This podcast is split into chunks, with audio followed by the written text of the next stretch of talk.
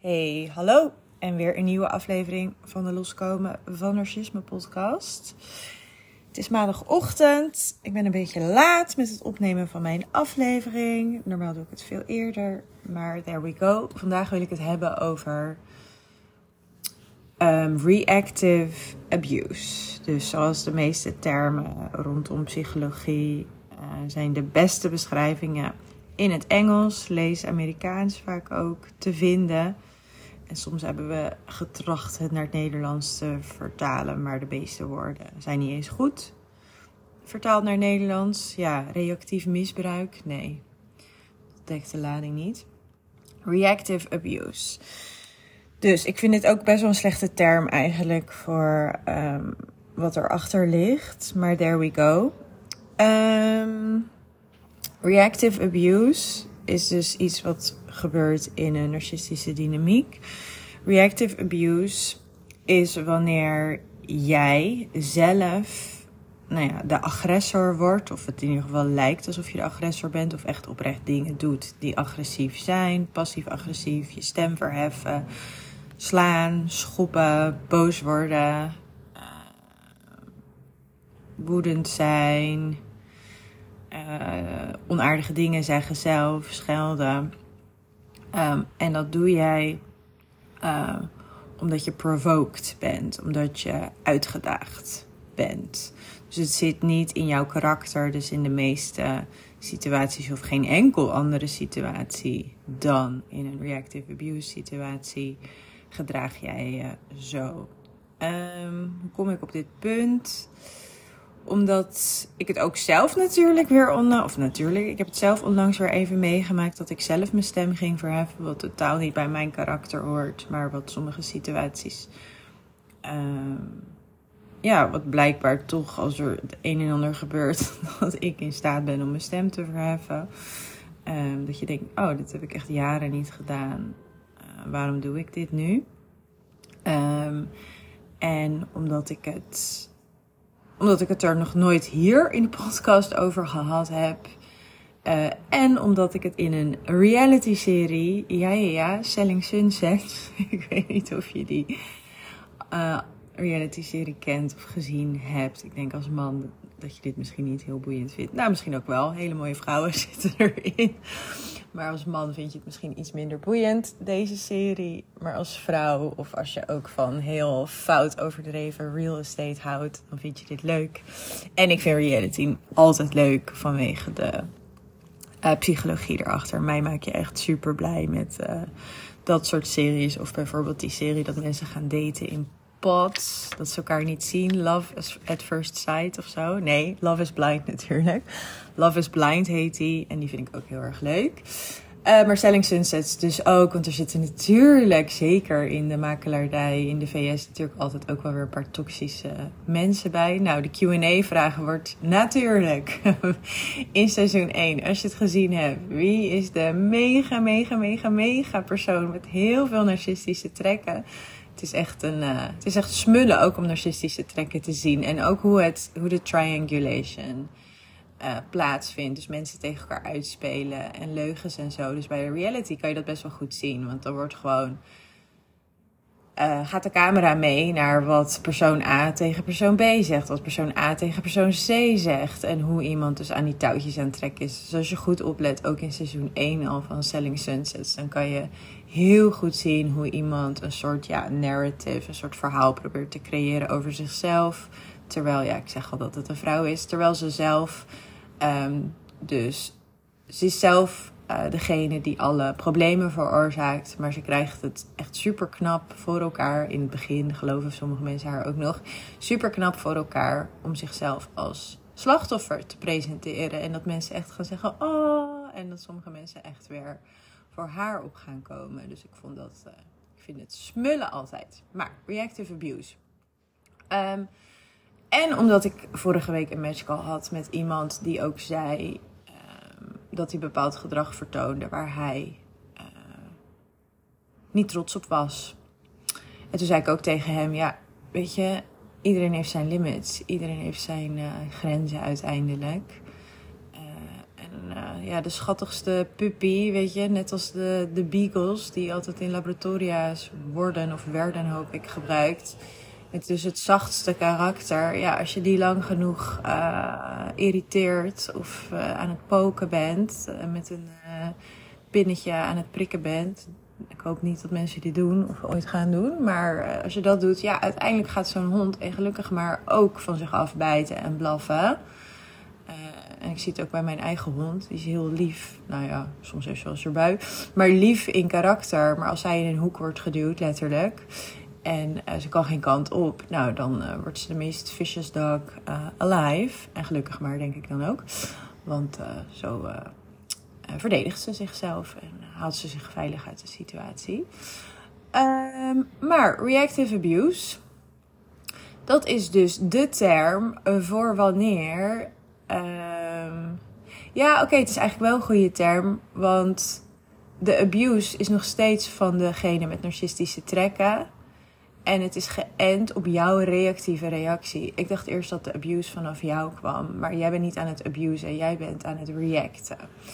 Dus jij reageert op abuse. En het abuse is um, jou tot je grenzen brengen. En wat je in Selling Sunset ziet is um, een van de dames, Chriselle heet zij. En zij uh, is ongeveer ja, degene in die series die wel ongeveer de grootste verandering ook doormaakt. Zij is eerst best wel codependent, heel lief, echt een pleaser. En gaandeweg zie je dat ze dus sterker en steviger wordt en meer van zichzelf begint af te bijten. Dus met Narcist 1 leert ze dat. Eerst is ze nog heel lief en daarna leert ze tijdens Narcist 1 dat ze harder mag worden en beter voor zichzelf op mag komen. Ondanks dat dus sommige mensen dan vervolgens zeggen dat ze een bitch is. Of ze wordt nu ook best wel een beetje zwart gemaakt in de media. Um, dat ze alles doet voor aandacht en zo. Maar als je het mij vraagt, is, dat, is er niks waar daarvan. Maar zij is dus um, steeds um, krachtiger aan het worden, bijt van zichzelf af. Maar ze heeft wel flink uh, wat herinneringen, wat ervaringen met mensen die over haar grenzen heen gaan.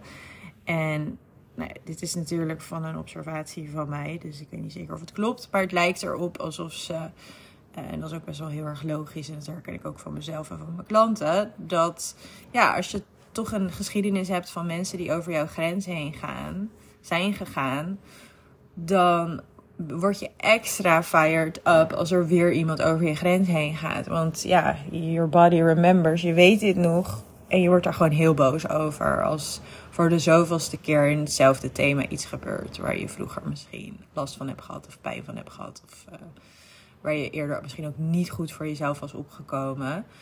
Um, en dat is pijnlijk als dingen vaker zijn gebeurd en je bent eerder niet voor jezelf opgekomen in zo'n situatie. Dan kom je, ja, dan ga je natuurlijk oefenen met wel voor jezelf opkomen. En soms is het nog net iets spicier, omdat er ook een trauma aan ten grondslag ligt klein traumaatje onder ligt.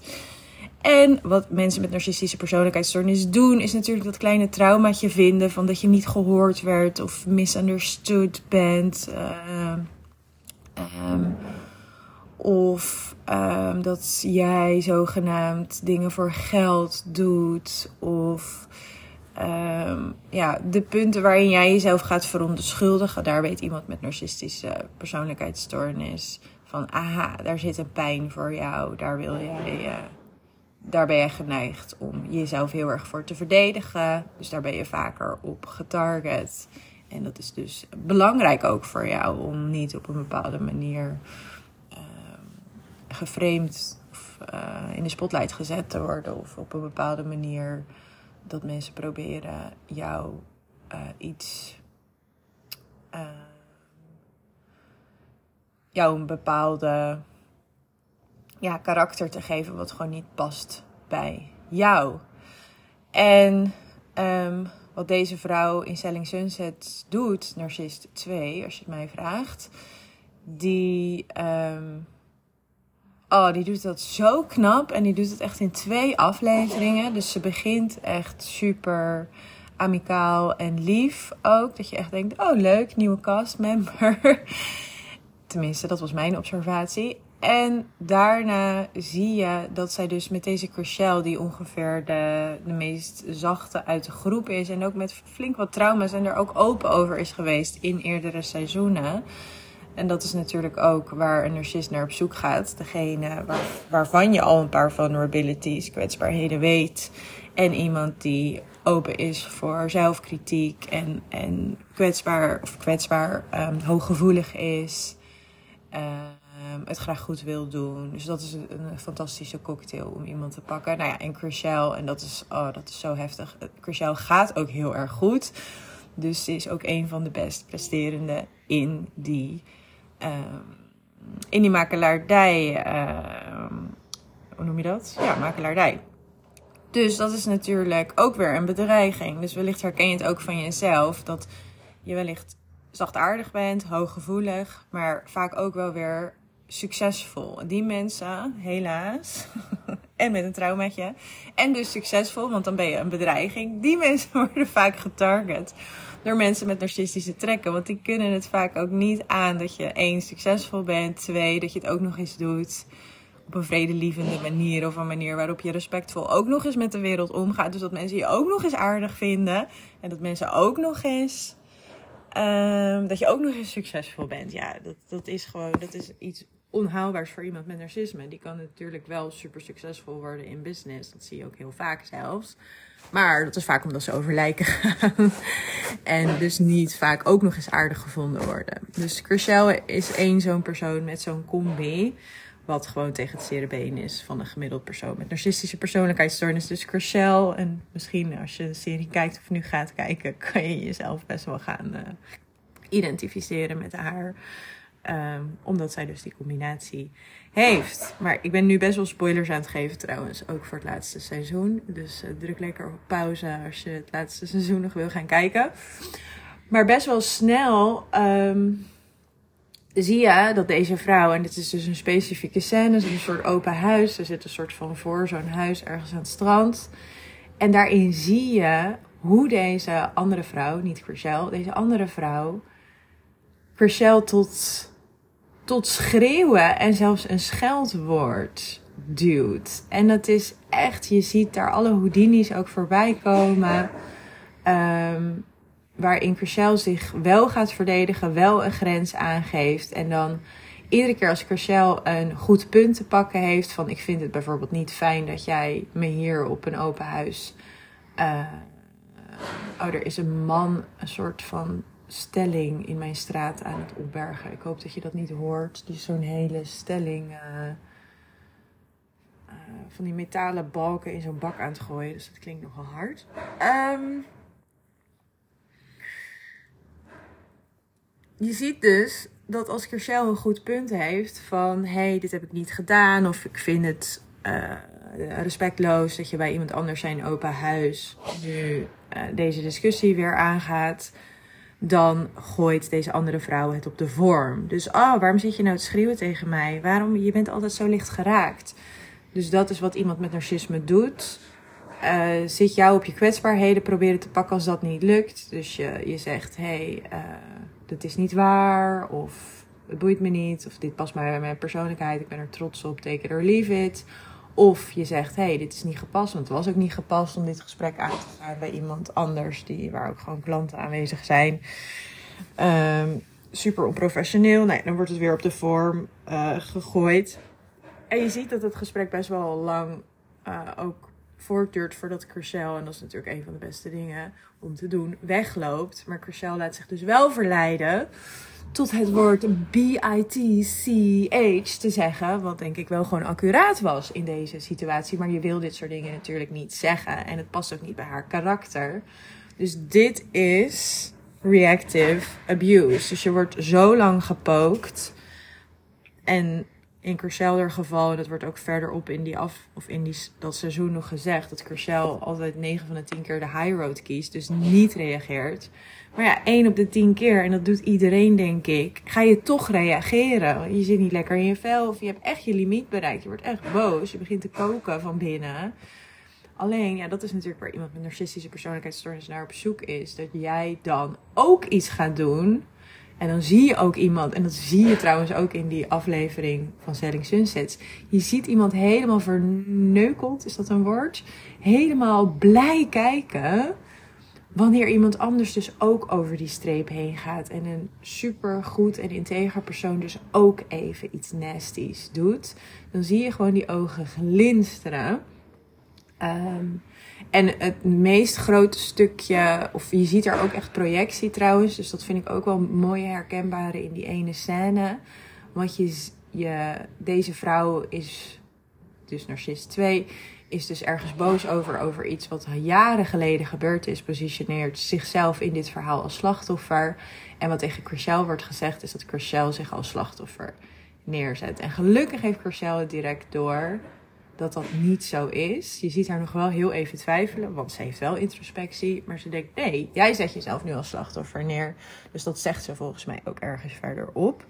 Dus dat is super goed dat ze die projectie, misschien kent ze het woord niet, maar dat ze die projectie herkent wat deze vrouw doet. En later ja, dus dat is de eerste keer in ieder geval voor mij dat ik echt dacht: oh, dit is van een redelijk normaal persoon naar echt een super toxisch persoon gegaan. Omdat ik al die omdraaiingen zag. En je ziet ook dat iemand wordt um, uitgezonderd. Dus het wordt niet in een groep gedaan. Het wordt echt, je wordt alleen ge, ge, hoe noem je het? uitgezonderd. En je wordt um, ja, abused. Dat is het gewoon. Uh, totdat jij uh, je limit bereikt. En ergens heeft zij dus het woord bitch laten vallen, maar ze is ook weggelopen. Um, en daardoor werd het weer verdraaid dat ze, dat ze nog veel heftiger gescheld worden had gezegd of zo. Dus uiteindelijk komt het, uh, best, wordt het best wel duidelijk hoe deze vrouw opereert. Um, en reactive abuse bij mij, ja. Um, mijn date. ik ben er helemaal overheen hoor. Don't worry. Ik kreeg ook de vraag gisteren. Oh, wat erg. Of gisteren, vorige week. Oh, wat erg. Zo heftig dat het bij jou is gebeurd. Maar dat was echt nadat het voor mij duidelijk werd. Um, ja, heeft het echt nog vier dagen geduurd. En uh, ben ik mijn eigen tips gaan volgen. En was ik weer boven water. Dus ik heb er helemaal geen last meer van. Um, ik heb ook 0,0 over mijn grenzen laten gaan. Dus ik was er echt heel snel bij. En uh, don't worry about me, absoluut niet. Maar uh, het is wel weer een uh, vette, dikke, hoe noem je het, goudmijn aan voorbeeldjes. Dus die ga ik zeker wel gebruiken. Is um, dat deze persoon dus achter een kwetsbaarheid kwam van mij. Uh, wat ik heb over uh, hoe onder andere mijn vader en mijn familie, uh, gedeelte van mijn familie in elkaar zit. En bepaalde meningen die daar worden um, gedeeld. En dat dat iets is wat mij best wel pijn heeft gedaan. En best wel um, waar ik het ook sowieso helemaal niet mee eens ben. Zonder in details te treden. Maar er zijn gewoon dingen daar die gewoon ja, waar ik het niet mee eens ben en wat mij en andere mensen ook wel pijn heeft gedaan. En hij ging dus precies in dat thema, en dat is dus ook wat mensen met narcistische trekken doen, die komen daarachter dat dat dus jouw liability, jouw vulnerability is. Of dat het iets is wat wat, wat met jou doet, punt. Uh, of dat je het belangrijk vindt. In mijn geval vind ik dit thema namelijk ook heel belangrijk. Um, en daar um, werd dus voor de zoveelste keer een opmerking over gemaakt. Ondanks dat ik tegen hem had gezegd: hey, uh, ik ben het hier niet mee eens. Dit is niet wat bij mij past. Ik vind het niet fijn als je dit op deze manier deelt. Nou ja, denkende destijds dat hij daar iets positiefs mee zou doen. Maar dat werd dus. En dan zogenaamd, en dit is ook zo nasty, zogenaamd weer alsof het nieuwe informatie is. En alsof die persoon dat gewoon opeens bedenkt. Maar achteraf bedenk ik me ook, oké, dit was dus een soort van quasi-strategisch. Um, werd dus weer neergelegd. Maar ook, we zaten in de auto, dus ik kon geen kant op. En um, ik wilde het daar niet meer over hebben. Want wat hij zei, was gewoon. Deed mij gewoon pijn en was respectloos. Maar omdat ik geen kant op kon, bleef het op dit onderwerp gaan. En ja, ik ben toch per ongeluk weer in de valkuil gestapt van het proberen uit te leggen waarom het dan zo pijnlijk was. Maar ja, dat wist hij al lang. En achteraf bedenk ik me nu, aha, dit was gewoon een makkelijke manier om mij upset te krijgen. Dus na heel lang weer op dit onderwerp in te gaan en ik ook gevraagd heb om het onderwerp te veranderen en hij dus eigenlijk weigerde in zijn gedrag. Um, ja, het is absoluut niet erg, maar het is gewoon omdat het gewoon zo buiten mijn eigen karakter is, ben ik dus gaan schreeuwen tegen hem. Ehm, en toen zag ik ook die, die verneukeling. Ik weet niet of dit een woord is. Verkneukeling, flauw idee. Toen zag ik dus ook die sterretjes in zijn ogen. En dat was wel een van de signalen van mij. Van, yo, dit is echt een abuser. Omdat hij gewoon blij werd. Omdat ik over mijn eigen streepje heen ging van wat niet acceptabel is. Hij deed dit trouwens ook hoor. Deze manier van uh, boos worden. Alleen, dit, ja, prima als jij het zelf doet. Nee, niet prima. Uh, tabé, ik ben weg. Maar... Um, het feit dat ik het deed, ja, dat, en dat wist hij blijkbaar ook, is zo niet in mijn karakter. Uh, dus ik heb ook weer even reactive abuse meegemaakt. Dat je gewoon zo, dat iemand zo zit te poken op hetzelfde puntje. En dat is het ook. Je vraagt om te stoppen. Weet je, en dat las ik ook laatst ergens op een Instagram post. En dat vond ik ook wel treffend. Van, weet je, sommige mensen die they lash out. Maar we vergeten soms dat iemand al 99 keer heeft gevraagd: wil je hiermee stoppen? Dat is natuurlijk ook een beetje terugpakkend op afleveringen van mij van eerder. Dat je soms ook in de mediationkamer dat sommige slachtoffers gewoon super boos worden. Omdat ze gewoon geprovoked worden. Uh, geprovoceerd op punten waarvan. Ja, dus de mediator of whatever, de persoon ertussen. Het kan ook uh, jeugdzorg zijn of whatever. Uh, alle andere instanties die je maar noemen kan advocaten, rechtbank, politie, whatever, schiptherapeuten, noem maar op. Uh, veilig thuis. Dat deze persoon weet al lang wat jou, welke thema's jou irriteren. En zo'n derde persoon die erbij zit, die weet dat niet. Um, en dan kan jij op een gegeven moment ook zelf laaiend worden en dus de abuser lijken. Terwijl jij gewoon daar een trauma op hebt en al vaker hebt gevraagd aan die persoon om daar uh, respectvol mee om te gaan. En uh, ja, die persoon die kan dan tijdens zo'n sessie, en soms zit je daar dus ook wel eens gedwongen, een uur of anderhalf uur. Nee, gedwongen gelukkig niet, maar dat denk je soms dat je daar gedwongen zit, dat je daar moet blijven zitten. Maar je mag ook weglopen. FYI, tip van de dag, je mag weglopen. Uh, mag je wel even zeggen, met een paar woorden wellicht, maar het mag. Um, en uh, ja, dat is dus reactive abuse. Dus je bent onder water al zo vaak is iemand jouw grens overgegaan. En dat is dan ja, de druppel die de emmer doet overlopen. En dan zeker als je niet begrepen wordt of als iemand onterecht jou accused ergens van. Ja, de meest hooggevoelige mensen, want die houden echt niet van onrecht. Die vliegen daarop aan en dat weet die andere persoon dus ook. Dus hoe kan je reactive abuse voorkomen? 1. Weten dat het bestaat. 2. Het herkennen. 3. En dit is de moeilijkste, zeker als je geen kant op kan. Maar meestal kan je wel een kant op. Weet je, zelfs in mijn autosituatie, ja, ik had natuurlijk gewoon mijn oortjes in kunnen doen. Ik had kunnen zeggen, joh, jij uh, hebt blijkbaar niet de motivatie of de zin om mij te begrijpen hierop. Ik vind het prima als jij een verkeerde perceptie hebt van mij. Ik ga nu muziek luisteren en ik gewoon mijn oortjes in had gedaan. Dat had ik kunnen doen. Um, of gewoon zeggen, joh, ik ga niet meer door op dit onderwerp. En even denken, ja, in zo'n um, in een mediation situatie kan je, kan je zeggen, hey, uh, ik ga even afkoelen buiten of uh, ik vind dit, uh, dit is iets wat mij raakt. En dus voordat je zelf gekke dingen gaat zeggen, kan je zeggen, hey, dit raakt mij en ik ga dit even, ik ga even afkoelen. Of, ik, of je zegt, ik moet gewoon even naar de wc of whatever. En je loopt gewoon weg om dus deze persoon niet de kans te geven dat je echt, echt um, boos wordt. En boos worden, trouwens, je hoeft jezelf ook niet schuldig daarover te voelen. Want er zijn heel veel mensen die omdat ze de andere persoon uh, aan een standaard willen houden. Dat die persoon zelf niet gekke dingen doet. Dat je zelf dan een soort van 100% altijd maar het goede voorbeeld wil geven. Maar weet je, je bent ook mens. Je mag fouten maken. Dus waar die andere persoon wel eens agressief is. Of zijn of haar stem verheft. Of gekke dingen doet.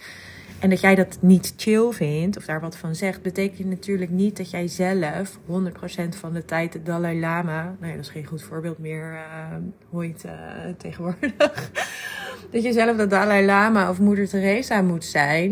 Um, want je bent ook mens, weet je. Dus omdat je zelf agressief gedrag van een ander niet accepteert, betekent natuurlijk niet dat je je jarenlang moet schamen als je zelf een keer iets hebt gedaan. Uh, want iedereen is mens. En gelukkig hebben wij ook altijd de mogelijkheid om sorry te zeggen. Dus wees ook lief tegen jezelf. En dat was ook een van de manieren waarop ik er ook heel snel weer bovenop kwam. Uh, als je een keer een foutje hebt gemaakt, weet je, je blijft menselijk. Uh, er zijn gewoon emoties, trauma's, dingen in het spel. Um, en als je jezelf gaat kastijden daarover, of heel, heel kritisch bent over dat, dat je iets zelf hebt gedaan, of uh, iets hebt toegelaten, of zelf over een streep hebt gegaan, zelf over iets waar je je eigen normen en waarden uh, niet stoken, dan kan je gewoon super lief en zacht voor jezelf zijn. Als het dan is gebeurd. Tuurlijk, je kan dan altijd denken: hoe ga ik ervoor zorgen dat het de volgende keer niet gebeurt? Maar dat is gewoon, in het, dat is gewoon gezond en naar de toekomst kijkende. Bijvoorbeeld dat je bedenkt, oh ik laat me niet meer provoken. Ik ga sneller gewoon uit zo'n situatie vertrekken. Uh, of in mijn geval, ik pak mijn eigen trainingen er nog even bij. Zodat ik niet nog een keer met iemand met narcistische trekken aan het daten raak. Uh, ja. En uh, ja, that's all you can do. En, en dan kom je er ook veel sneller bovenop. Weet je, give yourself some grace. Je hebt waarschijnlijk die andere persoon ook heel veel grace gegeven, zeker in het begin. Als die persoon een paar strepen overging, nou waarschijnlijk is die persoon 202, uh, als het er niet 2002 uh, strepen waren overheen is gegaan. En die heb je allemaal geaccepteerd in het begin. Dus gun jezelf ook uh, een handjevol. Uh, niet omdat het goed is, maar wel omdat je mens bent, gun jezelf ook een paar keer dat je misschien een keer de streep overgaat. En ook als het in combinatie met je eigen kinderen is. Je kan altijd sorry zeggen. Je, je bent een mens. Het is goed om te laten zien aan je kinderen dat je ook niet uh, feilloos bent. En je kan altijd sorry zeggen. Zeker in het geval als je bijvoorbeeld een keer, doordat je geprovoked bent door je ex of je partner, dat je ook een keer bijvoorbeeld je stem verheft naar je kinderen kan je altijd achteraf zeggen: Sorry, papa of mama was even gefrustreerd. Had ik niet mogen doen. En dan heb je een super mooi en waardevol gesprek. Met jou en je kinderen. Met je kinderen die doen ook wel eens iets waar ze niet trots op zijn. En dan hebben ze het voorbeeld gekregen dat je één fouten mag maken, twee sorry mag zeggen. En dat ook hun ouders, oh my god, who knew, hun ouders geen perfecte wezens zijn. Nou, ik wens je een super fijne week. Het is mega zonnig. Ik hoop dat je een heerlijk weekend hebt gehad. Ik heb echt een fantastisch weekend gehad. Uh, en de zon blijft nog even aanhouden. Dus uh, ik hoop dat je ook deze week nog af en toe lekker van de zon kan gaan genieten. Uh, ik ga vandaag weer de masterclass openzetten. De aanmeldingen daarvoor. ik weet niet uit mijn hoofd wanneer ze zijn. Weet je wat? Ik loop even naar mijn kalender, want dan weet ik het direct. 1, 2, 3 mijn gratis masterclass over de vijf geheimen om snel los te kunnen komen van een narcistische relatie. Die je trouwens kan kijken als je gewoon nog in een relatie zit. Dan ga ik jou gewoon alvast wat tips geven die je dan, stel je wil echt weggaan, uh, direct kan gaan toepassen. Dat je dat in ieder geval alvast weet. En stel de relatie is echt al voorbij, dan help ik je daarmee. En je hoeft natuurlijk nooit wat te doen met de tips. Het is wel slim als je echt wil uh, stappen maken. Maar sommige mensen vinden het altijd wel eng om bij zo'n masterclass aanwezig te zijn. Want dan denken ze, oh, dan hoor ik zoveel en dan moet ik het allemaal direct gaan doen. Nee, dat is niet zo. Het is gewoon informatie. En wanneer de tijd rijp is, dan weet je in ieder geval wat je mag gaan doen. En dan eh, heb je het van mij geleerd. Iemand die uh, dus meer dan 100 dames al succesvol geholpen heeft. Dus dan uh, weet je zeker dat als je het gaat doen, dat je dan het juist aan het doen bent. Ik sta inmiddels voor mijn agenda. 26 juni om 19.30 uur. 27 juni om 1600 uur. 4 uh, als de podcast live gaat, is die misschien nog niet beschikbaar. Maar ik ga vandaag, zoals je maar aan het eind van de dag of morgen weer even gaat kijken, dan weet ik zeker dat je je aan kan melden voor mijn masterclass. Link in de bio zal gezet worden. Uh, of nee, link in de beschrijving van de podcast zal gezet worden. En hij is ook altijd te vinden onder lotanne.com slash masterclass. Nogmaals, vroeg in de ochtend staat hij misschien nog niet uh, live. In de zin van dat je je kan aanmelden via de pagina. Einde van de dag wel. Okido, fijne week.